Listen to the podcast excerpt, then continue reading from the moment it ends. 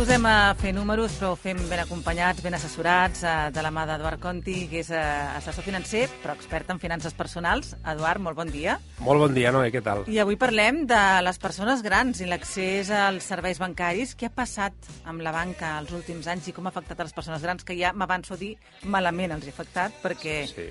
perquè ens ha deixat de totalment eh, fora de lloc, no? Sí. A veure, realment, si mirem el que ha passat a la banca, és bastant espectacular. O sigui, de- des de la crisi financera del 2008 fins a l'actualitat, el sector bancari a Catalunya ha reduït la xarxa d'oficines en més d'un 65%. És a dir, que de tres oficines que hi havien fa 12 anys, ara n'hi ha una. És un canvi espectacular. Són més de 5.000 oficines que han tancat, només a Catalunya. O sigui, és... I, a més a més, clar, ara mateix a Catalunya la meitat dels municipis no tenen cap oficina bancària. Eh? O sigui, al voltant de 500 no tenen cap oficina bancària. I no només als municipis, no? sinó que a les ciutats o pobles grans també hi ha molts barris que s'han quedat sense oficines. O sigui que no, no, no hem de parlar només dels municipis petits o de poblacions mitjanes o petites, sinó també de ciutats que de cop un barri que igual hi viuen 10.000 persones passa a tenir 5 oficines a no tenir-ne cap i que s'ha de, igual ha d'agafar el metro o, o l'autobús per anar a una oficina bancària. Això és un problema, no? I a més a més tot això, clar, tots aquests últims 10-15 anys han sigut anys d'una gran d'un procés de digitalització de la societat espectacular, no? Llavors, a nivell del bancari ha passat el mateix. La banca s'ha digitalitzat, no? I avui la majoria de les gestions les podem fer amb el mòbil o, o, o, amb o a través de l'ordinador, no? Aleshores, a més a més, de, de cada cop s'utilitzen menys diners en efectiu, que també n'hem parlat aquí a la secció, no? Cada cop menys diners en efectiu, cada cop més operacions bancàries a través de, a distància.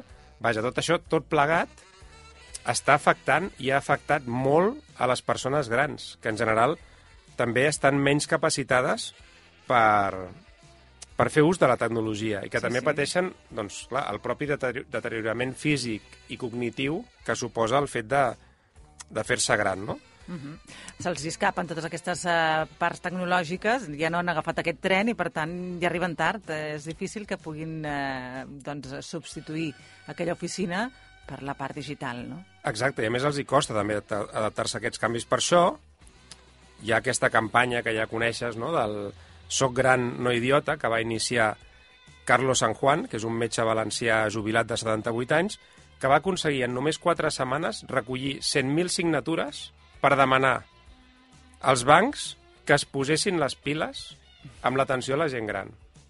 I, a més a més, va tenir èxit. O sigui, va... Clar, ara, perquè ara jo parlarem. suposo que només calia que algú ho encapçalés, perquè hi havia tanta i tanta població, perquè els mateixos familiars de la gent que tenim, persones grans a, a prop nostre, estem indignats de veure'ls eh, tan desarmats. No? Per tant, què es pot fer o què s'està fent per resoldre aquesta situació, Edu? Mira, els primers obligats a fer alguna cosa per reduir l'exclusió financera de, de la qual estem parlant, de les persones grans, són els propis bancs, evidentment. Eh? I, I en aquí tenim, tenim novetats. No? El, el, el mes de febrer passat, el govern de l'Estat i les entitats bancàries van signar el, el protocol per garantir la inclusió financera i l'atenció personalitzada a les persones grans. Per tant, des d'ara mateix, des de fa ja unes setmanes, i sobretot els propers mesos i anys, s'hauria d'anar notant aquesta millora d'atenció. Ja veurem què passa, eh? ja veurem què passa, però com a mínim estan obligades a complir uns mínims, que són uns mínims importants. I, a més, hem de tenir en compte una cosa molt important, que és que si mirem les projeccions de població eh, en el nostre país els propers anys, fins a l'any 2050 la població de més de 65 anys no farà sinó augmentar cada dècada dos milions de persones més de 65 anys. Cada dècada.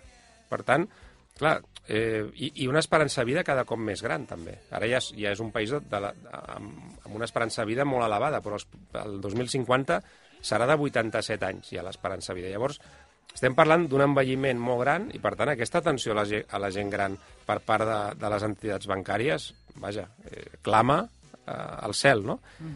Després també, eh, en, en quant a la, a, a la desaparició d'oficines bancàries que comentàvem, no? Aquestes, aquests 500 municipis sense oficina bancària i, per tant, sense caixers.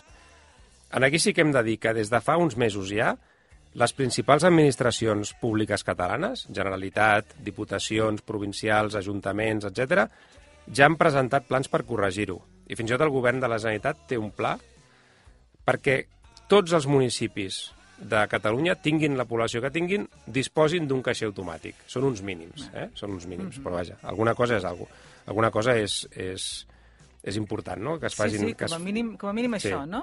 Sí.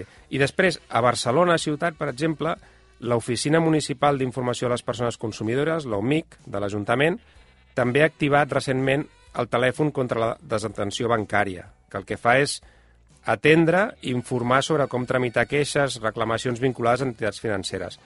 És un servei de línia directa que es pot trucar de 9 a 6 de la, de, de, de la tarda, et puc dir el telèfon, si vols, perquè Sí, és, és un servei públic, 93 402 7594, de dilluns a divendres la gent pot trucar en aquest telèfon i tindrà doncs, aquest telèfon contra la desatenció bancària, que és un tema tan, tan important. Des de les 9 fins a les 18 hores veig que, que funciona i també de dilluns a divendres. Per tant, és un Exacte. servei més que podria ajudar mínimament, Sí. però per acabar, algunes recomanacions concretes per reduir aquesta vulnerabilitat de les persones grans amb l'ús dels serveis bancaris. Sí, com deies, nosaltres tots veiem, no?, les nostres famílies, la gent gran, com, com, com, pate, com, ha estat, com ha estat patint els últims anys amb aquest tema, no? Mira, tres, tres punts, val? Bàsicament, el primer, que les persones grans comptin amb el suport d'algun familiar o de persona de confiança que les ajudi a fer tràmits i operacions que plantegin dificultats.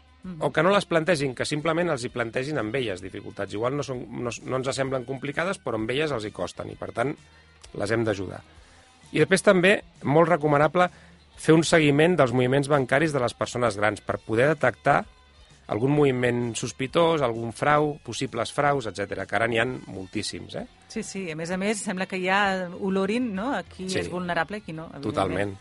Segon punt, uh, no anar sols al caixer per retirar quantitats de diners. Sobretot són quantitats una mica elevades. A vegades ja ho saps, que la, els, molts pensionistes, a la que cobren la pensió, se'n van al caixer i ho treuen tot. Això és una cosa que molta gent, curiosament, ens pot semblar, els que som una mica més joves, Ridícul, fins i tot. bueno, curiosa, Sí. però e- elles ho fan perquè estan acostumades a manegar el Sí. diner en efectiu. Sí, sí. Inclús tenen un punt de desconfiança. No, no, no jo els diners a la... jo els vull tenir tinc. jo, no? Els vull tenir jo a casa. Llavors, no els deixem anar sols a fer aquesta operació. Si podem, els acompanyem o que una persona de confiança de la família les acompanyi, perquè a vegades el que està passant ara és que de cop agafen un desconegut pel carrer i diuen escolta, em pots acompanyar i em pots, i em pots ajudar a treure diners? sí. Bueno, a veure, a vegades la bona fe també té els seus perills, no? No, exacte. I per sort el món està ple també de gent bona i moltes vegades no passa res, però Totalment, clar, molt totalment. fàcil Sí. que trobin algú que, que amb tota la picardia doncs, Sí. acabi quedant-se els diners. Totalment, o sigui, sort que la majoria de la gent eh, és bona gent, no? Però en aquí es, es generen unes oportunitats de que algú Sí, sí. no tan bo s'aprofiti que, que hem d'intentar limitar.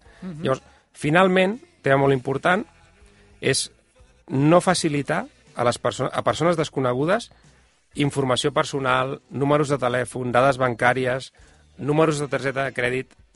Tot això, que jo crec que tota la societat ja en, som, en anem sent molt conscients perquè el, el volum de ciberdelinqüència està creixent a uns nivells espectaculars, la gent gran doncs, Clar. ha d'estar especialment conscienciada. I, si, I a vegades els hi costa. Llavors, si, en tenim, si tenim gent gran a prop, els hem d'ajudar també a, a anar-los dient. No? Prudència, exacte. Si vigileu. et demanen alguna cosa que sigui el número de compte corrent, mai, i menys per una via digital, no? Ni per mòbil ni per res.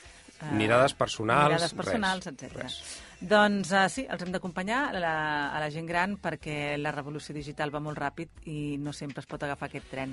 Eduard, moltíssimes gràcies pels consells i escolta'm que passis una bona setmana igualment. Igualment, que vagi bé.